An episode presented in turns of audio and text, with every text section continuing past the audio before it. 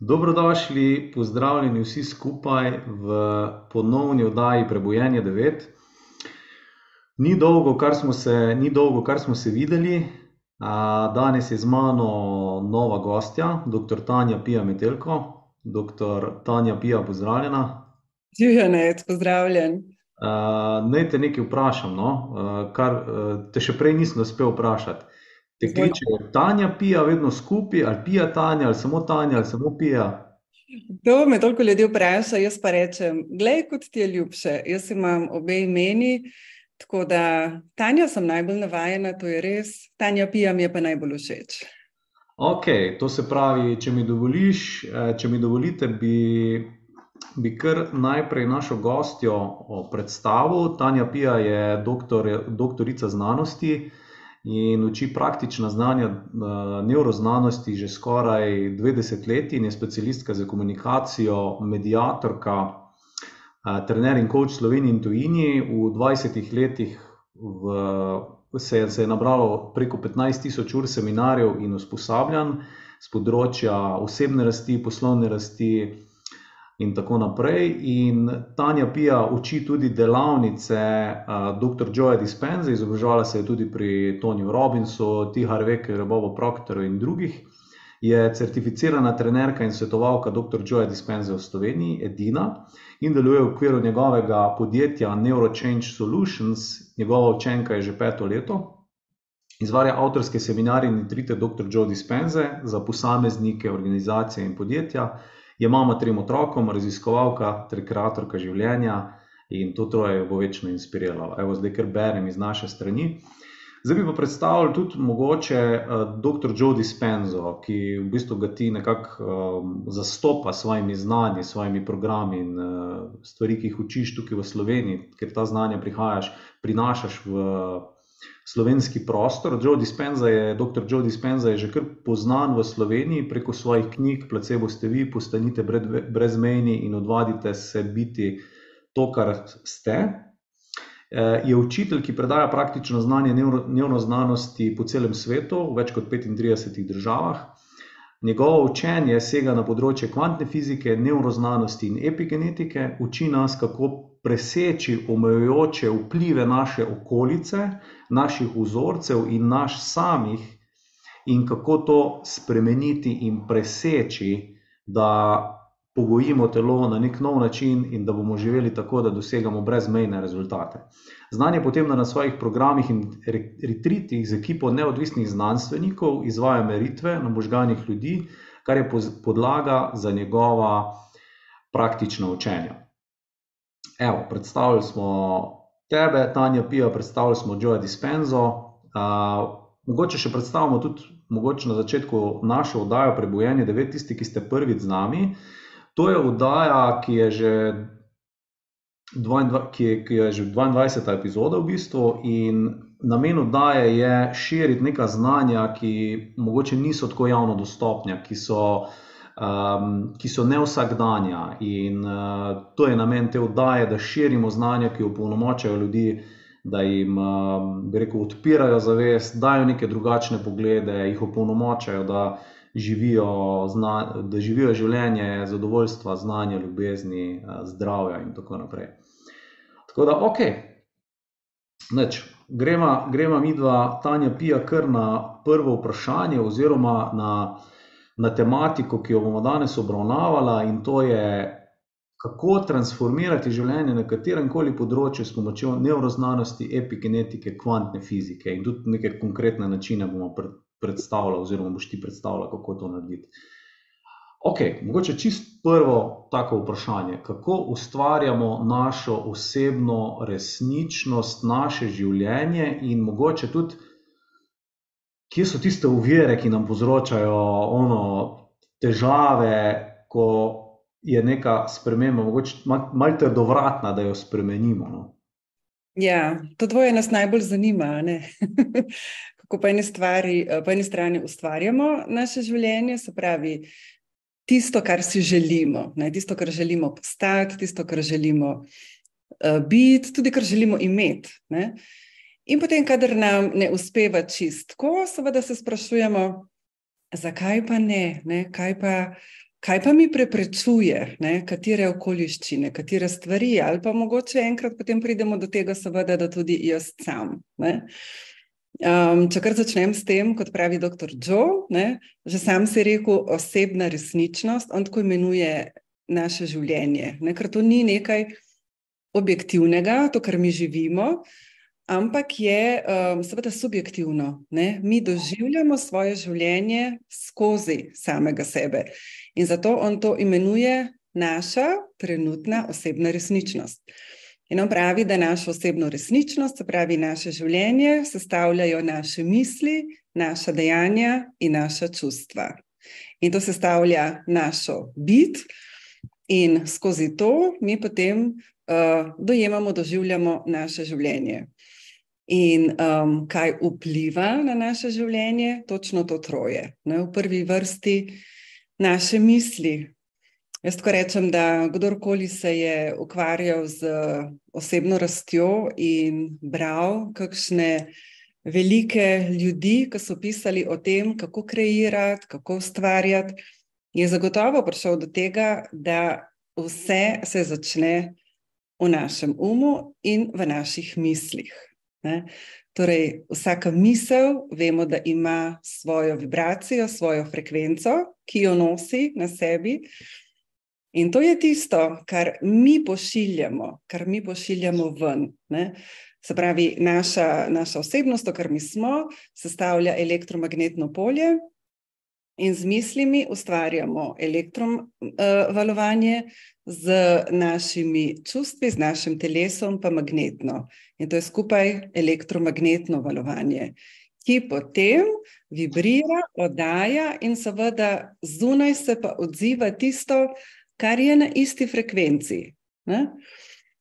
Tako da um, pri naših mislih se vse začne, seveda je pa tukaj takoj, takoj zatem pomembno to, kaj mi čutimo ne, katera čustva gojimo, um, kako se počutimo, katera čustva dejansko v sebi razvijamo in jim pustimo živeti. Ne. Ker 90% misli naših, tistih, ki jih imamo, ne, to so raziskovali tudi dr. Joe, je iz dneva v dan, v dan istih. Torej, če in dokler mi mislimo iste misli, je posebno normalno, da ostaja enaka naša osebna resničnost, ker ostaja enaka naša osebnost. Torej, dokler ne spremenimo naših misli, dokler ne spremenimo naših čustev, bomo mi ostajali enaki in s tem tudi naša osebna resničnost, kar je naše življenje. Zdaj, tukaj pa še nekaj, ne? vse do tega bomo še prišli, ampak mogoče samo en stavek zdaj na začetku mi zelo dobro vemo, ne, da samo, jaz rečem, tistih ubogih 5% je našega zavestnega uma. In 95% je nezavednega uma. In ko se mi na racionalni ravni odločimo, zdaj bom pa nekaj spremenil, ne, v smislu, ne vem, za novo leto večina ljudi oziroma pred novim letom si zadaja neke cilje, neke drastične spremembe, ne? kaj bodo dosegli, dokdaj bodo dosegli, in seveda želijo to čim, čim prej doseči. In to traja nekaj dni. Ne, nekaj dni ni težava vzdržati karkoli, težava je na dolgi rok. Zakaj? Zato, ker vmes se nam oglasi naš nezavedni um. Se pravi, tistih 95%, ki reče: Ups, ne, to pa ne bo šlo tako ker teh 95% so naši nezavedni programi, torej vse tisto, kar se je v nas nalagalo od našega rojstva, že malo prej, ampak dajmo reči od našega rojstva, vse, kar smo slišali, videli, čemu smo bili priča. Do šestega leta, brez analitičnega uma, ker ga pač nismo imeli razvitega, je torej direktno šlo vse v naše nezavedno. In še potem naprej. In to so programi, ki so tako močno usidrani v nas, in ker se imenujejo nezavedni, pomeni, da se jih mi niti ne zavedamo, in ker ne vemo, da jih imamo, jih tudi ne moremo kar tako spremeniti. Kako jih spremenimo, da tja pa še pridemo? Ja, v bistvu, to je zelo, se mi zdi, ena taka temeljna stvar, ki si jo zdaj izpostavlja. Ker marsikdo bere knjige, se ja. trudi.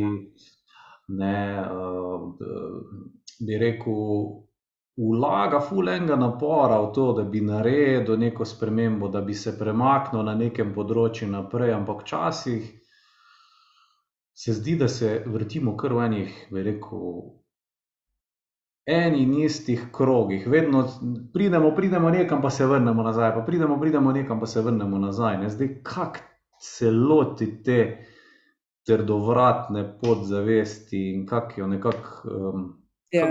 Stopa do tega, te globine, v bistvu. Ne? Ker je res, tako kot si rekla, niti ne veš, da, da imaš ja. sploh omejitev, kako jo boš pa spremenil. Ne? Ja, točno to. Glej, jaz tako rada povem čist par stavkov o tem, kaj je nezavedno.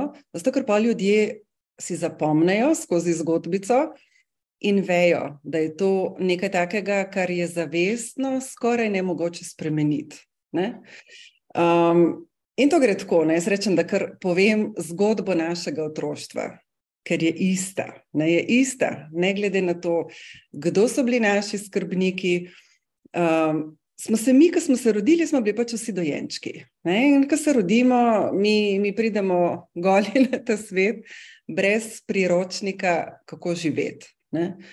To ne prenesemo sabo. Imamo seveda uh, del našega nezavednega uma, uh, stari možgani in tako naprej, ker so seveda vse te uh, bistvene funkcije kar, za to, da smo živi in ker nas ohranjajo pri življenju, to imamo, ne? sicer ne bi, ne bi preživeli. Ne?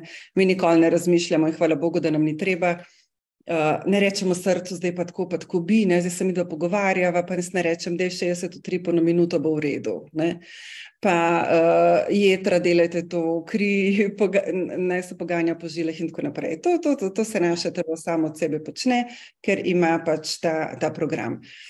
Ampak kako se obnašati, kako, kako dejansko bivati v tem svetu, tega pa ne vemo. In zato, ker ne vemo, se učimo, In ker želimo preživeti, pobiramo, ne? pobiramo, kako se to počne. Ampak, ko smo dojenčki in ko smo majhni, uh, kaj je tisto glavno? Ne? Da jemo, da dobimo dojko od mamice. Ne? In ker ne znamo govoriti, začnemo mi jokati. In potem mami, mamica pride, ne, nas podoji, in mi si zapišemo nezavedno, da če jaz nekaj potrebujem, želim, začnem jokati in to dobim. In pa je recimo naslednja situacija, ko nam je vroče. In imamo že v program, in jokamo, in mame ni, ker nas recimo ni slišala, in potem jočemo še bolj. In ker je mama daleč in nas ne sliši, začnemo kričati. In potem nas mama sliši in pride. In mi si zapišemo, ok, če je nekaj narobe, če nekaj res močno rabim, začnem kričati. Ne? In pa recimo gremo v vrtec, In tam je en otrok, ki ima eno, eno igračko in jaz to želim imeti. In takrat že govorim in ga vprašam, če mi jo posodi, in reče ne, ker se hoče pač z njo igrati. In potem mu jo vzamem. In potem si spet napišem ne, v svoj priročnik, če ima nekdo nekaj, kar si jo želim imeti in jaz tega ne morem dobiti na lep način, mu jo vzamem. In to so recimo zapisi, ki so funkcionalni, ko smo mi stari, šest mesecev, eno leto, dve leti ampak zato, ker so nezavedni in ker so zapečeni v nas in tam ostajajo, jih mnogi ljudje, podobne, seveda, adaptirane na odraslo življenje, ampak uporabljajo iste vzorce pri 20, pri 30, pri 40, pri 50 letih. In seveda takrat pa to ne funkcionira in takrat to ni nekaj, kar je v tem svetu zaželeno in socialno in sprejemljivo in dobro in prijazno in tako naprej. In dokler se mi ne zavemo, da to nisem jaz, ki sem ne vem, neolikan ali pa grd ali pa nesramen, ampak da to izvira iz mojega nezavednega, do takrat nažalost tako delam, ker ne vem, da moram to spremeniti in da ne pomaga samo, da se bom rekla, drugič, ko pride, vem, tista zoprna tečna stranka, ne bom več tako reagirala, ampak bom prijazno in lepo. Mogoče na začetku gre, potem pa se vklopi ta nezavedni program. Ne? In ko se to zavemo, potem nam je jasno, da ni dovolj reči: To ne bom več počel, tega ne bom več razmišljal, ne bom več žalosten zaradi vem, raznih dogodkov, dneve in tedne in mesece, ampak recimo tri dni, ker ne gre, ker ne zmoremo. Enostavno ne zmoremo. In kaj lahko naredimo? da spremenjamo te nezavedne programe. Ne? To pa ni tako hitro in to ni tako enostavno. Kar je pa dobra, dobra vest, je pa to, da se to da in da imamo urodja. In da to, kar si prej naštel, ne, neuroznanost, epigenetika, kvantna fizika, neuroplastičnost možganov, ki traja, dokler živimo, vse to nam omogoča, da se mi teh programov lotimo na način, da jih bomo spremenili, da jih bomo spremenili tako, kot mi želimo, se pravi, da bodo služili nam in ljudem okoli nas, in da bomo to lahko naredili trajno. Ok, to se pravi, do zdaj smo izpostavili težave, ki jih imamo. Uh -huh. um, oziroma, tako um, obstaja formula. To se pravi, obstaja formula za spremembo. Obstaja uh -huh. formula za spremembo teh, bi rekel, trdovratnih vzorcev uh -huh. podzavesti. Uh -huh. um, in kaj je prvi korak, mogoče? Pa ne vem, če se bo lahko na, navezal na moje naslednje vprašanje, ki sem ga hotel vprašati. No. Okay, uh, ne, oziroma, te bom kar vprašal, no. mogoče prej ne gremo na formulo, ker se mi zdi meni osebno ful zanimiva stvar. Tukaj imam pred sabo par, par mogoče istočnic, ki smo jih tudi navedla. Uh mhm. -huh. Odvisnost od misli in čustev. Mhm. -huh. Pa v bistvu ta, ker ogromno, ogromno ljudi danes čuti v svojem telesu ogromno enega stresa, ogromno ene tesnobe, in skozi moramo razmišljati, skozi moramo biti v pogonu, skozi je ono, kar zjutraj se zbudiš in že, in že ti v bistvu dela avtocesta v glavi. Mhm. Lahko je v tem spregovoriš. Ja, ja, hvala, Nec. Evo, vidiš, že samo, ko si govoril o tem, ne, se vidi, kako si pol na koncu, kar ne, izdahnil ven eno, eno težo, eno breme. Zato, ker dejansko je tako, ne? že ko rečeš beseda stalno, že karkoli je stalno prisotno, nas obremenjuje. Mi, ko se zjutraj zbudimo, ne, se pravi, spimo, sanjamo, možgani, telo, naše celice, organi, vse v nas se regenerira. In prvi trenutek, čisto prvi, ko se mi zjutraj zbudimo, mi se dejansko ne zavedamo, kdo smo. Ne ali pa kje smo, ali pa kaj se nam dogaja. To se najboljše vidi takrat, vem, ko smo mi na dopustu, gremo nekam daleč, ali pa se vrnemo od nekje, ali, ali pa z kakšnega službenega potovanja. Ko se mi zbudimo, moramo prvo pomisliti, če sem doma, sem v hotelski sobi, recimo, če je tam okrog nas. Ne? In pa začnemo spominjati, je preletela sem nazaj, ok, sem doma. Aha. In ko se mi začnemo spominjati, kdo smo, se navadno spomnimo težav se navadno spomnimo izzivov, v smislu, kaj vse me čaka ta dan. Ne? Ta sestanek, tista stranka, ta, ta službena pot, tistih pet mailov, ki sem si jih včeraj pustil. In možgani so spomin preteklosti. In ko se mi začenjamo spominjati svoje preteklosti, se pravi, ker problemi so se zgodili v preteklosti. Ne? Ko se mi začnemo tega spominjati, se vrnemo že v preteklost. Torej, dejansko živimo že v preteklosti. In um, ko se potem zavemo samega sebe, se zavemo, se pravi, stanja, v katerem smo in kaj, na, kaj nas danes čaka. In če se mi zavestno ne pripravimo na ta dan, takoj odrvimo. Ne? Se pravi, se oblečem za to, pa navadi imamo neko rutino, pa ne mislim, da so pozitivne jutranje rutine, ampak rutino, ko se umijem, se oblečem, pojem zajtrk, ne vem, in vzamejo kavo za napot in grejo. In vse to nas že spravi v stres. In dejansko smo že v stresu. In raziskave so pokazali, da 70% ljudi konstantno živi v stresu. Se pravi, večino svojega budnega stanja.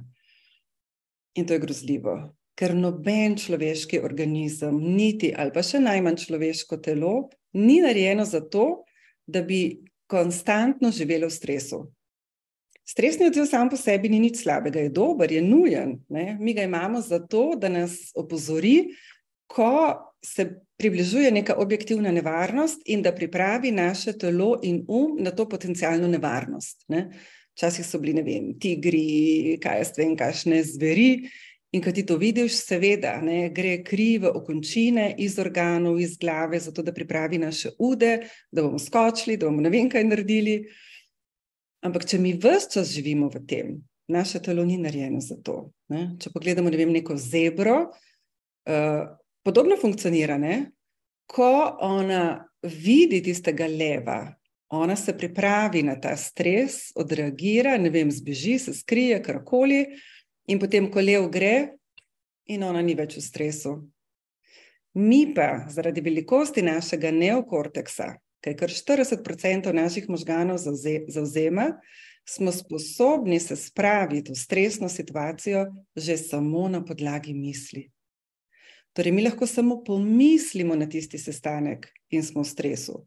Samo pomislimo na tistega šefa, si predstavljamo, kako bo reagiral na podlagi 20 ali pa 100 predhodnih sestankov, in smo že v stresu, že tri dni prej, od tistega jutra do sestanka, se pravi, koliko enih stresnih hormonov, koliko enega kortizola, koliko enega adrenalina se v nas izloči, in vse to negativno vpliva na nas. Imam eno pod vprašanje za te. To se pravi, a je ta stres, ki ga mi danes po večini doživljamo, je to nek realen stres ali je to, bi rekel, psihološki stres, ki nastaja v naših mislih in eh, kako zdaj to nekako obvladati, umiriti. Eh? Ja, Le, če rečemo stres, stres je realen, ker stres mi naredimo sami.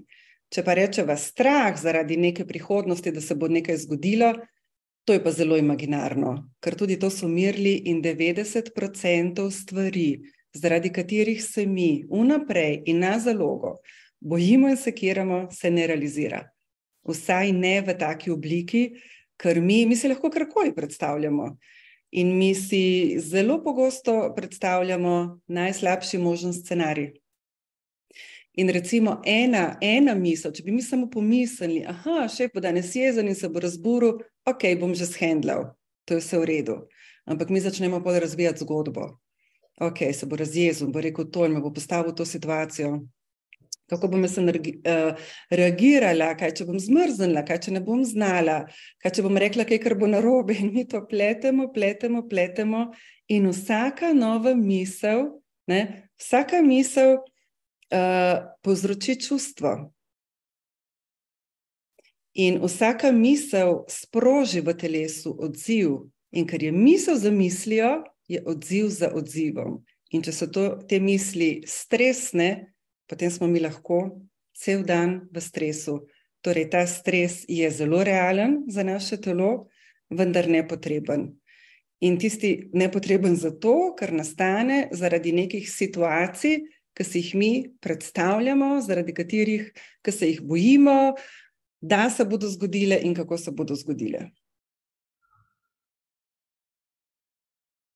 Ok, um, kako to presežemo, oziroma kaj je zdaj tisti prvi korak, ki ga lahko naredimo. Ne? To se pravi, da okay, ja, smo zdaj v tem, bi rekel, filmu, ja. ki se nam vrtijo po glavi, ne samo misli, ampak črne misli, ne? ki nam povzročajo stres, ki nam povzročajo strah, tesnobo. Uh, je to nek kolo, ki se je začelo vrteti, pa neka, bi rekel, snowball, to se pravi, snežna krogla, ki se vrti in bolj ko se vrti, večja je. Yeah. Ja. Zdaj pa, kaj v bistvu narediti, ne? kaj je tisti prvi korak, ki ga lahko naredimo. Ne? Oziroma, yeah. Ja. smo že pri tisti formuli za, za yeah, yeah, spremembo, ne? oziroma, yeah. kako kak zdaj obrniti te misli. Jih, yeah. Doktor Joe pravi, pa prvi absoluten korak je to, da se opazujemo. Ker, kot smo rekli prej, če mi samo reagiramo, in ker je 90% naših reakcij nezavednih, se niti ne zavedamo. Se ne zavedam, kako razmišljam, se ne zavedam, kako reagiram, dokler mi sodelavec ne pove. Um, se ne zavedam, koliko časa gojim neko čustvo. In če ne vem, tako ne morem spremeniti. Torej, prva stvar je, da opazujem svoje misli, torej, kaj razmišljam preko dneva. Da opazujem svoje dejanja in da opazujem svoje čustva. In ko to vadimo, se pravi, to samo opazovanje in samo zavedanje, uh, naenkrat ugotovimo, kaj vse počnem, kaj se mislim, kaj se čutim, kar prej sploh nisem vedel. Vprosti, je to lahko kakšna vaja, ki jo lahko naredimo, ali si vzamemo čas zase, pa se sedemo, zapremo oči. Ali... Ja, niti ne, da zapremo oči, ampak to pomeni, da veš, ko to začnemo delati. Ne? Mogoče bom naredila enkrat, pa pol, ne vem, dve uri se ne bom spomnila. Uh mhm. -huh. Pol se bom spet spomnila, pa pol se bom, ne vem, čez eno uro spomnila. Ne? Se pravi, veš, enkrat, ko si rečeš, želim biti pozoren, vedno bolj si pozoren. In potem s časoma se ustaviš, že preden rečeš, se ustaviš, že preden narediš. Veš, to so tiste situacije, vse poznamo. Ker nekdo začne nek stavek in pol se ustavi. Zato, ker pomeni sredi tistega stavka, se je zavedal, kaj je želel reči, in se odločil, da ne bo rekel, zato ker ni dobro. Ne? Torej, v budnem stanju, karkoli počnemo, enostavno, kot da bi sam sebe opazoval, kot da bi bil nekdo drug, ne? Ki iz neke perspektive opazuje, ne? Nec opazuje Neca, ne? Tanja opazuje Tanjo in se sproti zaveda. To je tisto, tista, tisti prvi korak. Ne?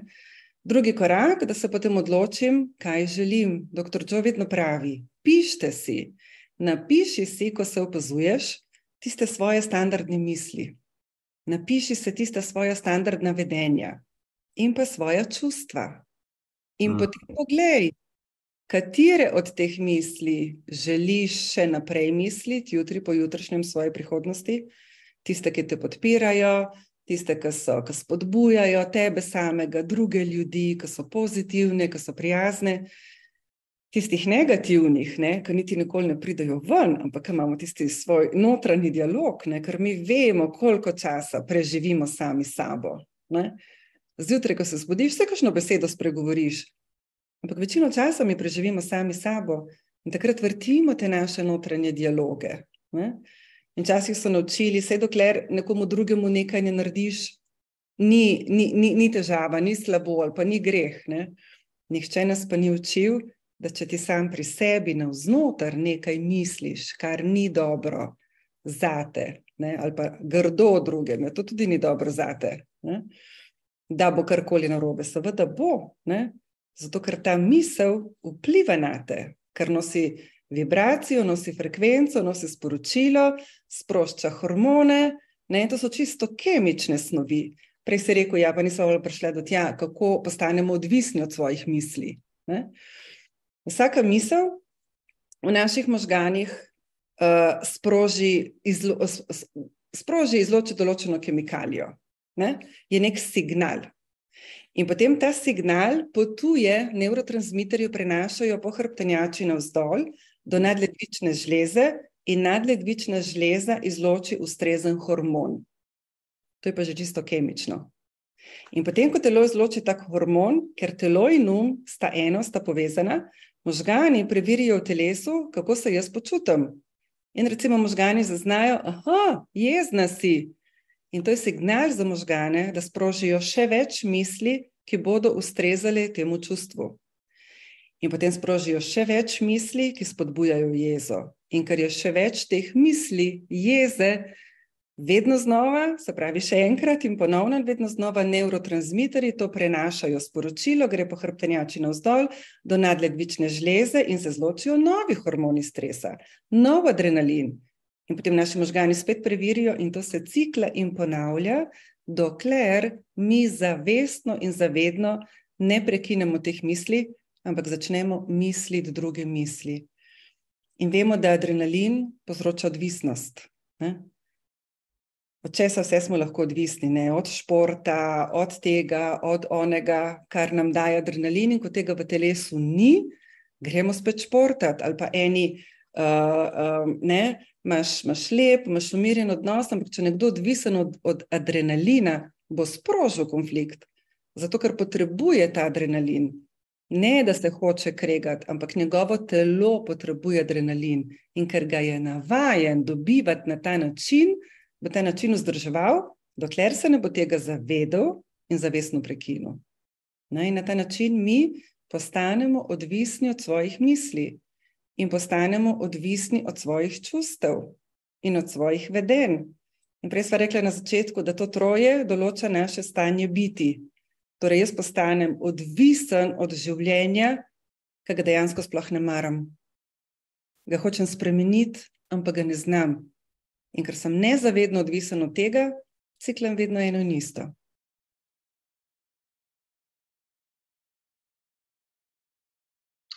Ok, kako pa zdaj uvideti iz tega kroga ven? Ja, ja prvi Ti korak. učiš, ti, to, ti, ti, ti učiš uh, tridnevni seminar, ne, če se ne motim. Štiridnevni seminar. To je, to je licenciran seminar Joea Dispenze. Ne?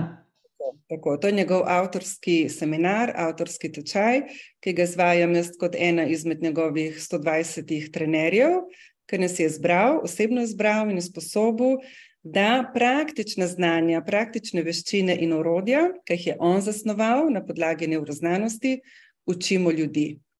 Ker on je to ugotovil, ne? njegove knjige, ki si jih na začetku naštel, so prevedene, mislim, da že več kot 35 jezikov.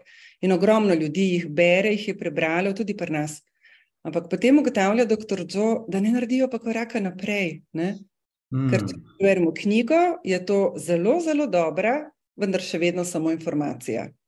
In če mi, in dokler mi tega ne apliciramo v življenje, naše življenje zaradi dobrih informacij ne bo čisto nič drugačno. Ne? In zato je naredil ta seminar, se imenuje Spremenite svoj um, ustvarite nove rezultate, da mi pomagamo po tej njegovi formuli za spreminjanje, da jim pomagamo to implementirati in unesti v življenje. Potem pa se ljudje začnejo spreminjati. Ker ta orodja, veš, so tako preverjena, on uh, verjamem, da ti poznaš tudi marsikdo, ki je nocoj z nama, njegovo življenjsko zgodbo, ne, kako se je po nesreču, kako ga je um, en, en, ena gospa z džipom zbila, ko je bil na triatlonu, uh, kako je imel hude poškodbe, je bilo zelo, zelo verjetno veliko možnosti, da bo ostal hrom. Bil je nepremičen, samo mogel, ni se smel premikati. In potem, ko je on ta orodja, ki jih zdaj uči, začel uporabljati na sebi, je obljubil tej, kot on imenuje, višji inteligenci, da ko bo ozdravel, da bo to razvijal in da bo učil ljudi po svetu, kako spreminjati svoje življenje. Na področju zdravja, na področju odnosov, na področju financ, se pravi, formula je itak ista. Ne? In on že od takrat, takrat je bil star 24 let, danes jih ima um, 58, 59, ne, 61 je imel, ja, par dni nazaj.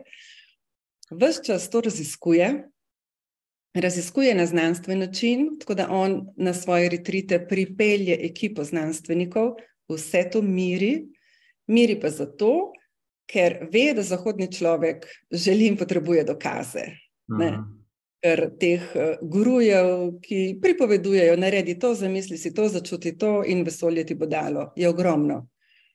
On pa to dokazuje.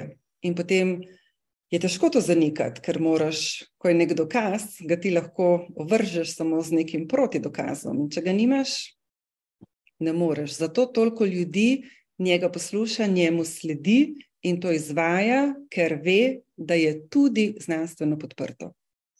A lahko poveš, ko si rekel o tej višji sili, ali pa ne vem, če je to isto kot kvantno polje, pa mogoče še kaj v kvantni fiziki, no? ko se mi zdi, da je ta Ja. tematika kar zanimiva, ne? ker vse je to fizika, ampak meji malo že na mistično potem. Ne? Ja. Uh, pa tudi, ko sem jaz bral to knjigo, ne, on dejansko si je s svojimi mislimi, s pomočjo te vizualizacije njegove, uh, začel telo fizično spreminjati. Ne? Ja, ja. Kako vlogo ima tukaj zdaj ta, bi rekel, kvantna fizika, no, Mhm, oziroma mhm. kvantno polje, ali kako se že to imenuje pri tem. Ja, ja. Um, res je to, kar si rekel. Bom takoj šla na kvantno polje. Uh, bi pa prej še, še dodala dva stavka na to, kar si rekel, kako je on to spremenil. Ne? On pravi, um, reče, ja, vizualizacija je tudi dobro orodje, ampak ni toliko močno. Najmočnejše je to, ko ti začneš živeti v svojih mislih, kot da si že. Torej, ni dovolj, da si samo predstavljaš, tudi ni dovolj, da si samo predstavljaš in čutiš, ampak da to tako živo doživljaš, da si predstavljaš, kot da si že.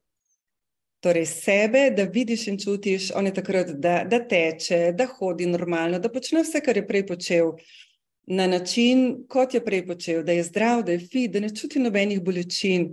In ko mi na ta način uh, dejansko v mislih to živimo, mi ustvarjamo nove nevronske povezave.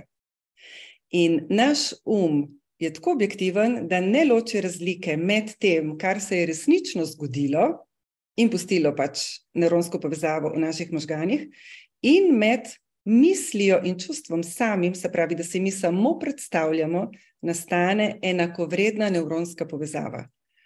In ko mi to toliko krat ponovimo, je ona tako močna, da če bi šli miriti možgane, bi ugotovili, da je enako močna, kot če bi mi to izkušnjo živeli. In ko to je v naših možganih, naši možgani dojemajo, kot da se je to že zgodilo.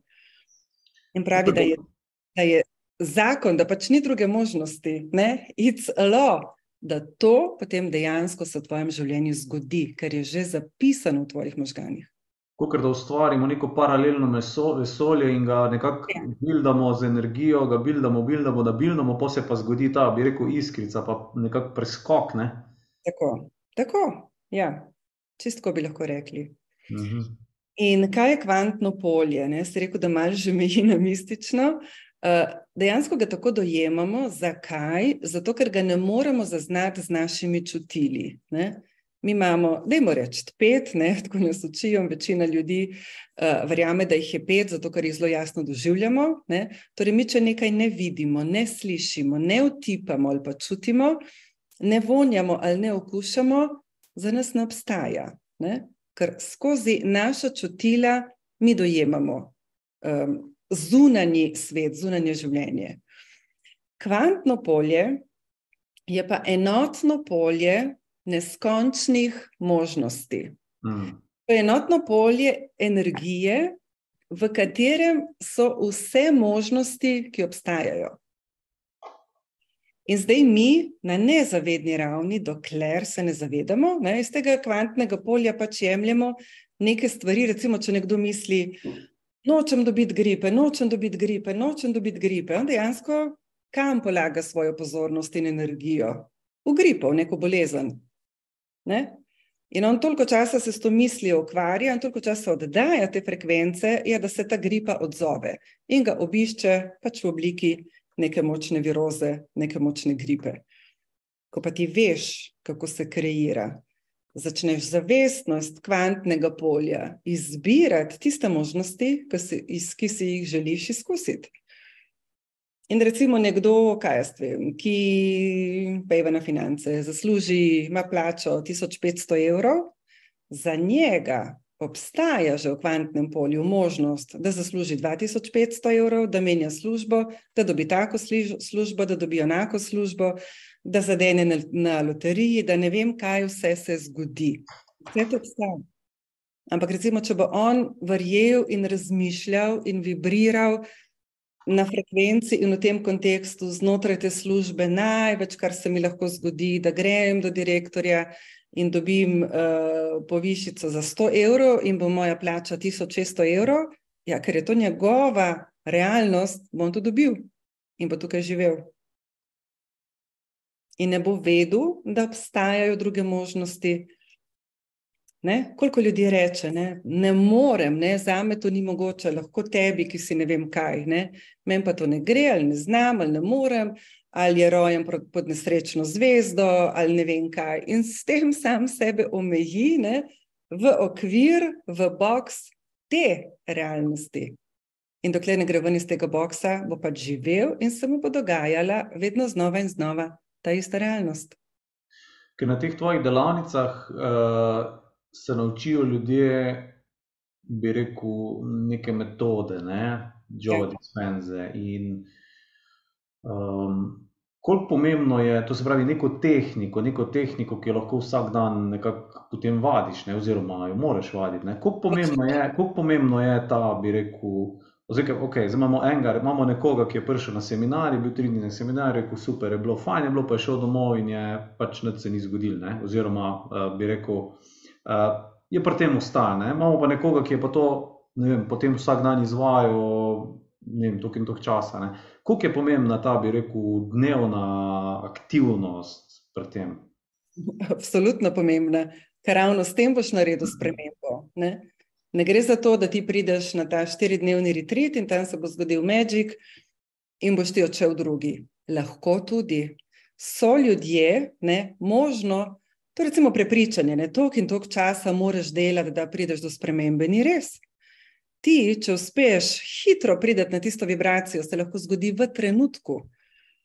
V trenutku, ozdravljanje v trenutku, pove, povečanje financ v trenutku, hiša, ki ni bila na prodaj, ki si, si jo želel, ki so rekli, nikoli ne bomo prodali, drug dan ti jo ponudijo. Ne? Recimo, tudi jaz imam take izkušnje. Jaz sem imela žočne kamne, 30 plus sem jih prešteli, imela sem že datum za operacijo. Ampak sem čutila, to, to je bilo toliko let nazaj, ker še nisem bila toliko v tem. Ne? Ampak jaz sem čutila, ne, ne bom šla na operacijo, jaz se bom pozdravila sama. Ne? Jaz vedno verjamem, da to, to res, odkar se zavedam, verjamem, da vsa moč je v nas. Ampak nisem imela še toliko teh orodij, imela sem samo to viro, ja, lahko. Ne? In pa sem iskala pač razne naravne, alternativne metode in tako naprej, tiste kamni so bili še vedno. Pa sem pa malo pozabila na njih, ker na srečo mi niso, nisem imela nekih uh, napadov in niso mi povzročali bolečin. Pa, pa ko sem se pa srečala z metodami dr. Joja, sem pa začela delati meditacije in mentalne vadbe. Uh. -huh. To sem delala, delala, delala in recimo ne dve leti si nisem kontrolirala kamnov. In pa sem šla, sem šla na kontrolo in so ugotovili, da teh kamnov ni več enostavno jih ni bilo več. Jaz ne vem, v kolkem času so šli, ampak jih ni bilo več. Pri rami pa točno vem, da se je zgodilo najprej v enem mesecu, tako bistvena ozdravitev, ker so mi napovedovali, imela sem fizično poškodbo rame in so rekli, tri leta bo trajala rehabilitacija. In jaz tega nikakor nisem sprejela. Pač s poštljivostjo, ja, to je pač izkušnja zdravnikov. In verjamem, da za tako diagnozo je tudi taka prognoza, ampak jaz se v sebi nisem sprejela. In potem sem v enem mesecu dosegla izboljšanje rame, to, da je rama postala pa popolnoma gibljiva in da sem šla jaz z rokami gor, je bilo pa v trenutku.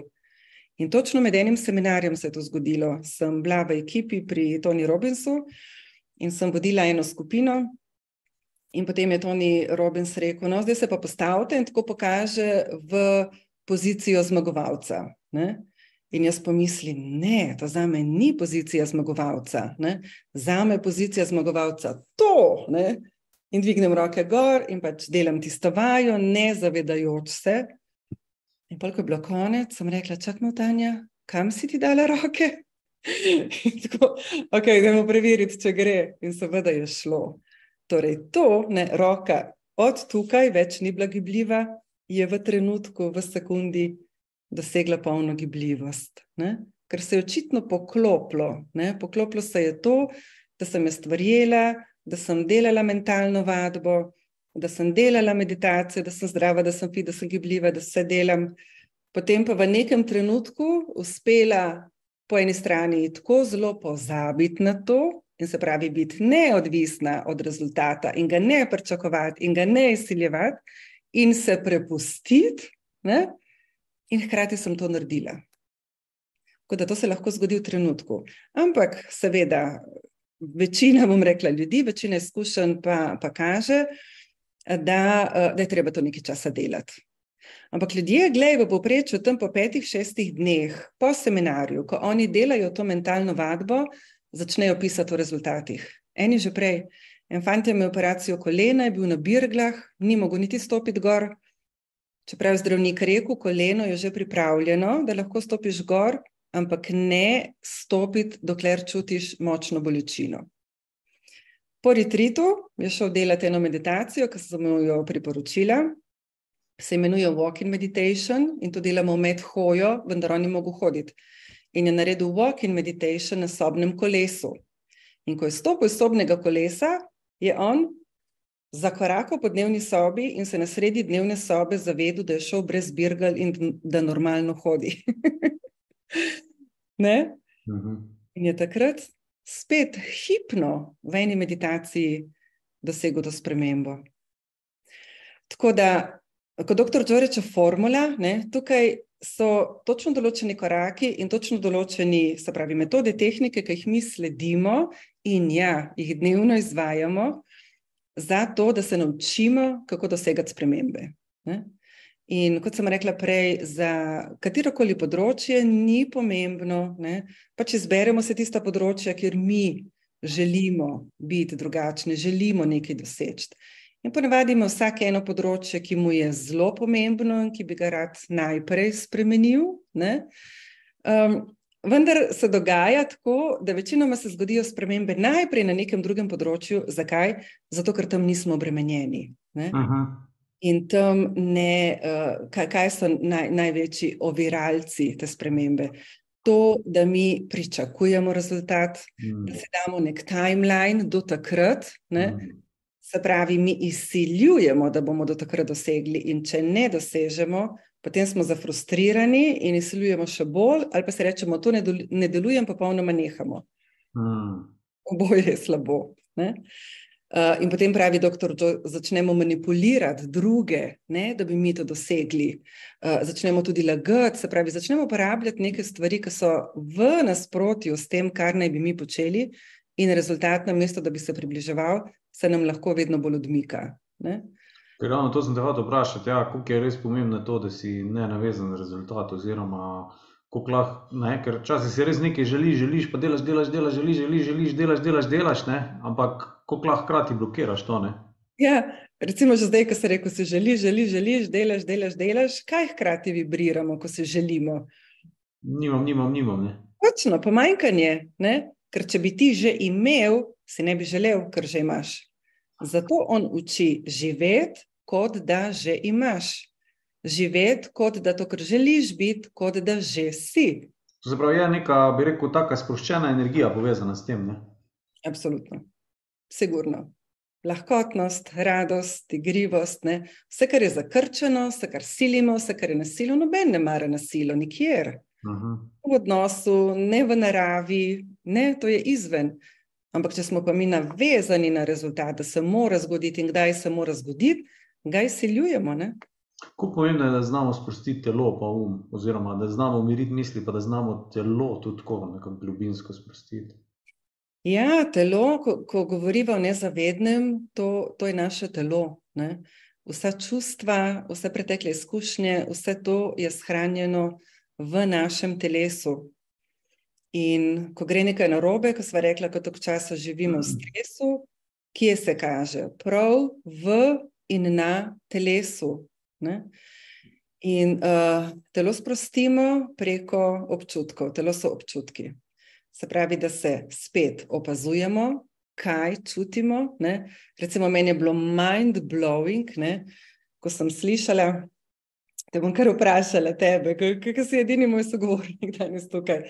Recimo, ko mi čutimo uh, eno čustvo, ne? mogoče veš, če pa ne veš, pa lahko gibaš, koliko časa, se pravi, mi, mi, mi smo jezni, kar se je nekaj zgodilo in čutimo čustvo jeze. Samo čustvo, samo po sebi, čustvo jeze, koliko časa traja v nas? E, mogoče tudi vprašanje za vse vas, ki to, ki to gledate, jaz ja. spremljam tukaj čat. Pa tudi to bi še rekel, če imate kakšno vprašanje, kar napišite, pa bomo potem stanju na, na koncu odgovorili. To se pravi, ko ti čutiš neko čustvo, koliko časa ostane v tebi, ko ga čutiš, na primer jezo. Točno to. Uh, ja, jaz bi rekel, da, vem, da je odvisno, včasih dlje, včasih manj. Ne. Ja, zato ker je odvisno od nas, ampak samo čustvo. Ne, jaz bom na pamet rekel eno uro. Ja, ja zelo dober. Vidiš, zato ker mi ga toliko časa gojimo, da imamo občutek, da to traja. Deset sekund traja. Ampak mi kaj naredimo? Ne? Recimo se reče, uh, kaj jaz vem. Nekdo ima najstnika doma ne? in pomisli, uh, ne vem, kaj je najstnik neki naredil. No, recimo, šel na žur in smo bili zmenjeni, da bo prišel domov, če, sicer pa da bo poklical in ne pokliče. In imamo je strah, se pa straši, ni ga domov, ni poklical in začne doživljati strah. Ta strah, če bi ona ne bi nadaljevala s svojimi mislimi, bi po desetih sekundah izvenel. Potem pa seveda skrbna mama misli dalje. Ne? Kaj se mu je zgodilo, kje je, a so šli z avtikam, a so pili, kaj če je bila kakšna nesreča, a če jim poklica to bolnico. Ne, če bi bila bolnica, bi že to, ne, bi me že policija obvestila. In se pravi, vsaka nadaljna misel sproži znova in novo čustvo strahu. Mhm. In ker mi mislimo misli, dobivamo te signale strahu. Ne? Pa kako je to zanimivo? Eno čustvo na podlagi ene misli traja 10 sekund in izveni. In kaj mi delamo? Ne? To tudi dr. Joe uči in tudi mi, mi, mi na seminarju, ne? Uh, prav v zvezi čustvi, kako, kako jih ustavljati, kako jih zamejiti. Če mi neko čustvo gojimo uh, nekaj dni ali uh, do enega tedna, je to naše razpoloženje. Če mi to čustvo gojimo nekaj mesecev, postane to naš temperament. Ko pa mi isto čustvo, ne moreš verjeti, ampak to je resnično, gojimo leta, to postane naša osebnost. Mhm. In naša osebnost se definira in z naše strani, in strani drugih ljudi, predvsem na podlagi čustvenih odzivov, ki jih mi dajemo. Ne? Ta je prijazen, ta je dober, ta je potrpežljiv. Ne? On je pa histeričen, napadalen, agresiven. Ne? So vedno to temeljno čustvo, ki ga čutimo od tega človeka, ne? prilepimo na njegovo osebnost. In ker ga on toliko krat ponavlja toliko časa živi, dejansko to postane del njegove osebnosti. Potem postanemo taka osebnost, kot se ne bi nikoli želeli, zaradi nekega čustva, ki se ga nikoli zavestno ne bi želeli gojiti. A ni to res žalostno, ne, kot ko pogledaš? Mhm. Kaj nas na koncu definira? Nekaj, kar si mi ne bi želeli, a ker ne znamo iti ven, ustrajamo v tem in na koncu postane to del naše osebnosti. Ok, to se pravi, mi dva, ti si pripravljena nam tudi eno praktično vajo, pa preden gremo na praktično vajo, mogoče pa tudi eh, na koncu vam bomo tudi predstavila um, Tanjin Tečaj, retreat. tečaj, Ja. ki se ga lahko vsi udeležite. Boste zvedeli, kaj vse na tem tečaju um, se boste naučili in tako naprej. Um, imamo za vas tudi eno darilo na koncu, no? naj to tudi omenim. Sem jaz rekel, Tanja, sem rekel, Hm?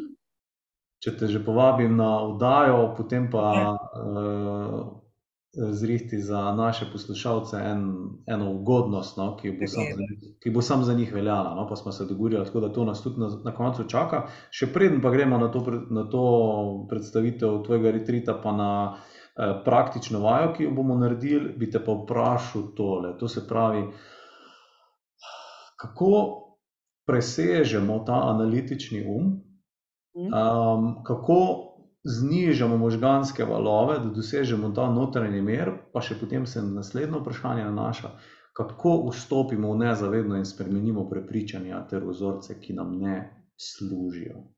Jaz si moram prav napisati, kako dobim tri vprašanja, jih ne zapomnim. Analitični um, valove in Ja. Vse me boš pa še vprašal, če bom Bom, pozabil. ja. Torej, analitični um, kot sem rekla, do šestega leta, leta še ni razvit. In kdor se spomni tega obdobja, jaz se ne spomnim dosti svojega otroštva, res zelo, zelo malo. Ampak recimo, ko gledam zdaj otroke, ki rastejo gor, večina otrok, ne, ki jih gledaš, to je tako neobremenjenih, to je ena sama radost, eno samo veselje, noč se ne sekirajo. Ne. Mislim, kdo pozna štiriletnega, ki se sekira, joj, a bo mama jutri skuhala kosilo, kaj če bo naredila une njoke, ki jih jaz ne maram. Mislim, skregano, ne, z vsako predstavo, kar je ni, zato ker otroci se ne obremenjujejo s tem, ker nimajo analitičnega uma. Mhm. Enostavno samo živijo. Živijo v ljubezni, živijo v radosti, živijo z dneva v dan. Mislim, mi bi se morali učiti od teh otrok. Živi zgled bi nam moralo biti, ker vsi to smo nekoč imeli, pa pa se nam je ta nesrečni, mislim, vse, vse je narejeno z namenom, ne, analitični um razvil, pa pa začnemo vse analizirati. Ne. Sploh mi, ki smo rojeni na zahodu in ki nas to povsod učijo, in v šoli, in cel šolski sistem je tako narejen. In pa se nekje prej ali slej zahakljamo. Ne? In zdaj se pravi, ta analitični um loči naše zavedno od nezavednega, loči teh 5% od teh 95%. In ta analitični um dejansko preprečuje, ne, če njega ne bi bilo, bi šlo tu, vse noter, preprečuje, da bi naš zavedni um direktno vplival na nezavedno. Torej, tako v budnem stanju na pamet to ne gre. Ne. Kaj pa lahko mi naredimo? Mi moramo, tako kot se je rekel, najprej znižati te možganske valove, ker do šestega leta smo mi, ok, na začetku pol leta do enega leta smo živeli v delta, so bili naši možgani v delta valovih, zato večina dojenčkov takrat spi. Ne? Se zbudijo, se podojijo, malo zvučke gledajo okrog in pol, kar vidiš, kako jih zmanjka. Ne? Zato, ker imajo tako nizke možganske valove, ki valovijo v valovih delta, in to je ta uh, restorative sleep, ne? krepčilni spanec, ki ga mi vsako noč doživljamo, ko gremo spat. Mhm. Potem smo do šestega leta v teta valovih, to je tisto hipnotično stanje, ko ni analitičnega uma in kar naši možgani vidijo, slišijo. Tako kot razume, ne, mislim, direktno, brez da bi analizirali, ne, tako kot je izrečeno, pač na tisti stopni, kot je otrok, gre v njegov nezavedni um. Ampak na srečo se da to doseči tudi v odrasli dobi. Ne? In mhm. v teta stanju, teta stanje mi lahko dosežemo tudi na podlagi hipnoze, ne? lahko pa to vsak dan dosežemo s tem, da mi znižamo si možganske valove z meditacijo. Dvakrat na dan smo pa mi avtomatično v teta stanju, tik preden zaspimo in takoj, ko se zbudimo. Zjutraj, ko se zbudimo, smo v delta, pol gremo v, v teta, potem počasi preidemo v alfa in potem v beta. Trije nivoji beta so. Ne? Nizki beta, ki je v redu, recimo mi dva sva zdaj v nizkih beta valovih, ne? mogoče sva v srednjih, zato ker sva bolj pozorna, ne? ti kaj me boš vprašal, pa da me poslušaš, jaz kaj bom povedala. Najni poslušalci so bolj verjetno v nizkih beta valovih, ne? ko je pač neka pozornost, ampak so zelo sproščeni. V alfa valovih smo takrat, recimo z meditacijo, ne? prvi, prvi ta, to stanje, v katerega pademo, so alfa valovi. Vemo, da to je že začetek, uh, se pravi, tega meditativnega stanja, tudi učenje jezikov. Poznamo, da danes se veliko učenja jezikov ali kakršnega koli učenja dogaja, tako da nas najprej spravijo v alfa valove, ker smo veliko bolj dojemljivi, potem pa nam dajo te informacije. Ne? Torej, mi z meditacijo se naučimo in prehajamo v te valove iz katerega koli beta, kjer smo. Nisem še omenila tega high beta, visoki beta, to je pa tista stresna situacija. Ne? Recimo, da bi nekdo zdaj padel nad tvojo sobo in bi rekel: Lej, potres prihaja, nec, ven moraš. Ne? Takoj bi ti šel v, v ta visoki beta, ali pa pri meni, če bi se to zgodilo. Ne? Mhm. In ko smo v stresu, ne, smo v tistih najvišjih beta valovih. Torej, mi kako to dosegamo z meditacijo in pa z mentalno vadbo. Doktor Joe ima ogromno, ogromno meditacij, nekaj sto, za različne primere, za različne namene. In kar je ugotovil, da zlasti recimo v poslovnem svetu, ne, zdaj je že boljši, ampak je on začel, ne, je rekel, nisem mogel priti, ne vem neko podjetje, nek, nek, nek, neko korporacijo in reči, zdaj bomo pa meditirali. Ne? Rekel, ven bi me vrgli.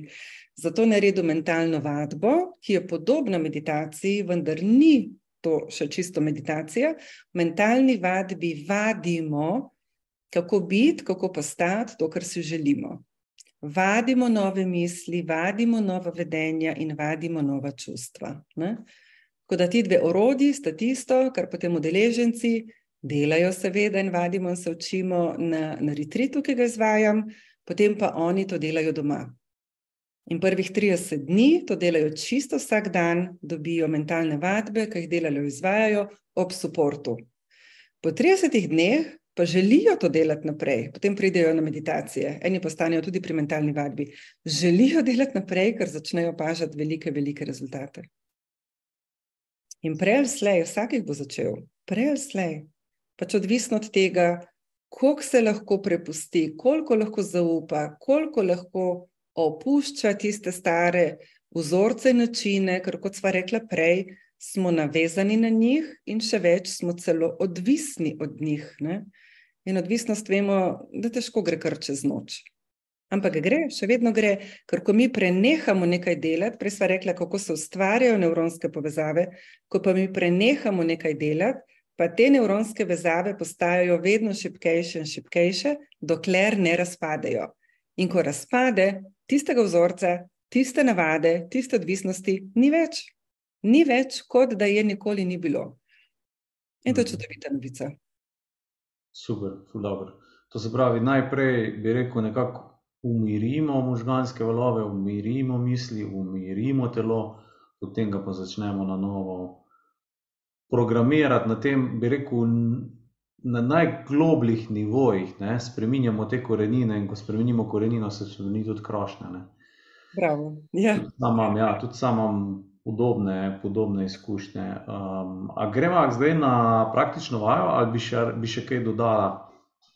Lahko greva, Glej, lahko greva, pa naredimo to vajo, potem pa se lahko še vrnemo k, k vprašanju. Jaz ne vidim, da se imajo gledalci kakšno vprašanje.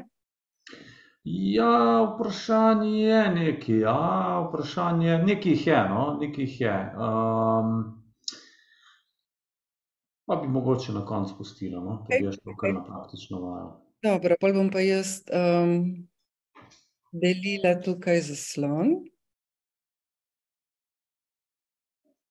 Evo, vidimo. Takole. Evo, tukaj se bo najprej pokazal zdaj naslov retrita. Spremenite svoj um, ustvarite nove rezultate, ki je, kot sva rekla, popolnoma avtorski tečaj, dr. Joja Dispenza, izvajam ga pa jaz. Uh mhm. -huh. In tukaj je tale vaja. To je vaja, ki bomo šli zdaj čez in vas, vas zelo, zelo spodbujam, da jo hkrati s tem, ko bom jaz pripovedovala, delate. In to ni enkratna vaja, to je vaja, za katero boste videli, da je priporočeno, da jo delate vsak dan in sicer večkrat na dan.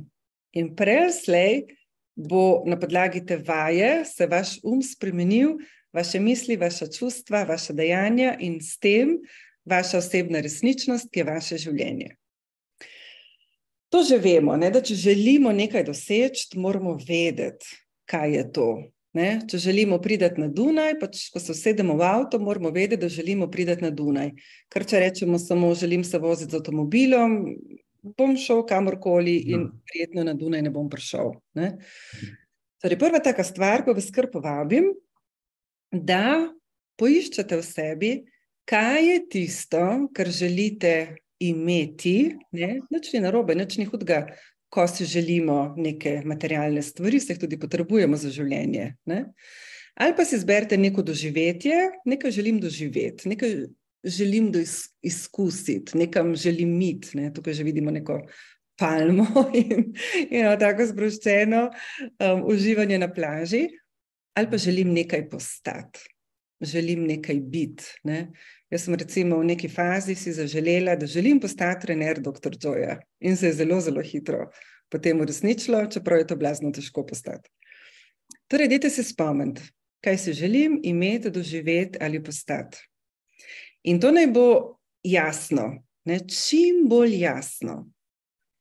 In najdite za to vašo željo, namero, lahko si narišete en simbol, Lahko je to beseda, taka, za katero boste vedeli, da pač izraža to, ali pa si, verjetno zdaj teže, ampak si boste potem našli eno fotografijo.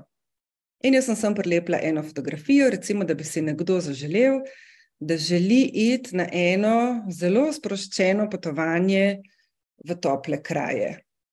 Ja? In bi si potem našel to, to fotografijo. Ko boste imeli to željo, jo boste opisali, kaj to pomeni. Samo za vas, ne? nihče drug ni pomemben. Edina oseba, ki rabi to razumeti, ste vi. Tako da pišete v svojih besedah, tako kot vi vidite, tako kot vam, uh, vam besede tečejo. Recimo, če bi si nekdo želel iti na potovanje v toplih krajih, ne, bi rekel, je, to je potovanje, ki je recimo, na drugi celini, okay? kjer je čisto kristalno morje. Želim iti v kraj, kjer je zelo malo ljudi, kjer so prazne plaže, ja?